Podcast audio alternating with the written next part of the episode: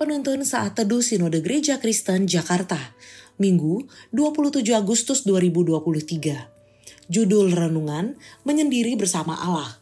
Diambil dari kitab Markus 1 ayat 35 sampai 39. Yesus mengajar di kota-kota lain. Pagi-pagi benar, waktu hari masih gelap, ia bangun dan pergi keluar. Ia pergi ke tempat yang sunyi dan berdoa di sana. Tetapi Simon dan kawan-kawannya menyusul dia. Waktu menemukan dia, mereka berkata, "Semua orang mencari engkau."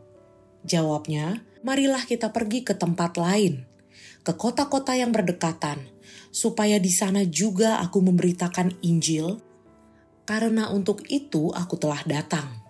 Lalu pergilah ia ke seluruh Galilea dan memberitakan Injil dalam rumah-rumah ibadat mereka dan mengusir setan-setan.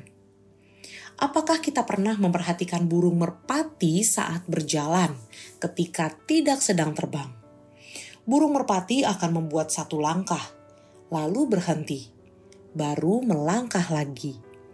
Kita akan melihat kepalanya maju mundur saat ia sedang berjalan Menurut sebuah riset, hal itu terjadi karena burung merpati memiliki kemampuan penglihatan yang tidak bisa fokus secara otomatis ketika berjalan.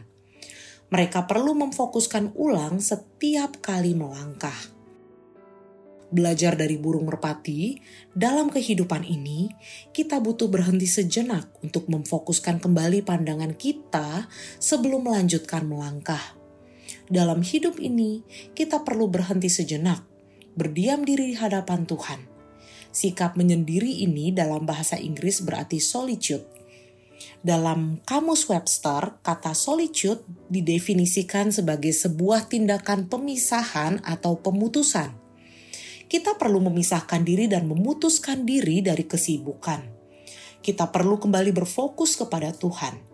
Belajar seperti Yesus yang sudah memberikan teladan untuk duduk diam dan menyendiri menyediakan waktu khusus untuk berdoa. Menyendiri itu penting untuk memberi waktu bagi kita berdoa dan berkomunikasi dengan Allah. Menyendiri memberi kita waktu untuk merenungkan firman Tuhan dan menyadari kesalahan yang telah kita perbuat. Menyendiri memberikan kita kekuatan saat menghadapi pencobaan. Untuk itu, mari selalu sediakan waktu untuk menyendiri bersamanya. Tuhan Yesus telah memberikan contoh dan teladan yang baik bagi kita semua. Ketika ia menghadapi masa-masa sulit dalam pelayanannya, ia tetap membangun hubungan yang intim bersama dengan Bapa di sorga. Sebagai orang percaya, kita perlu melatih diri dalam memberikan waktu untuk menyendiri bersama dengan Allah. Kita perlu bergumul bersama Allah untuk mendapatkan kekuatan yang baru untuk berjuang dalam kehidupan ini.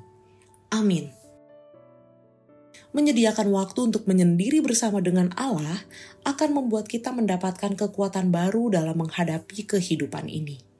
Terpujilah Allah.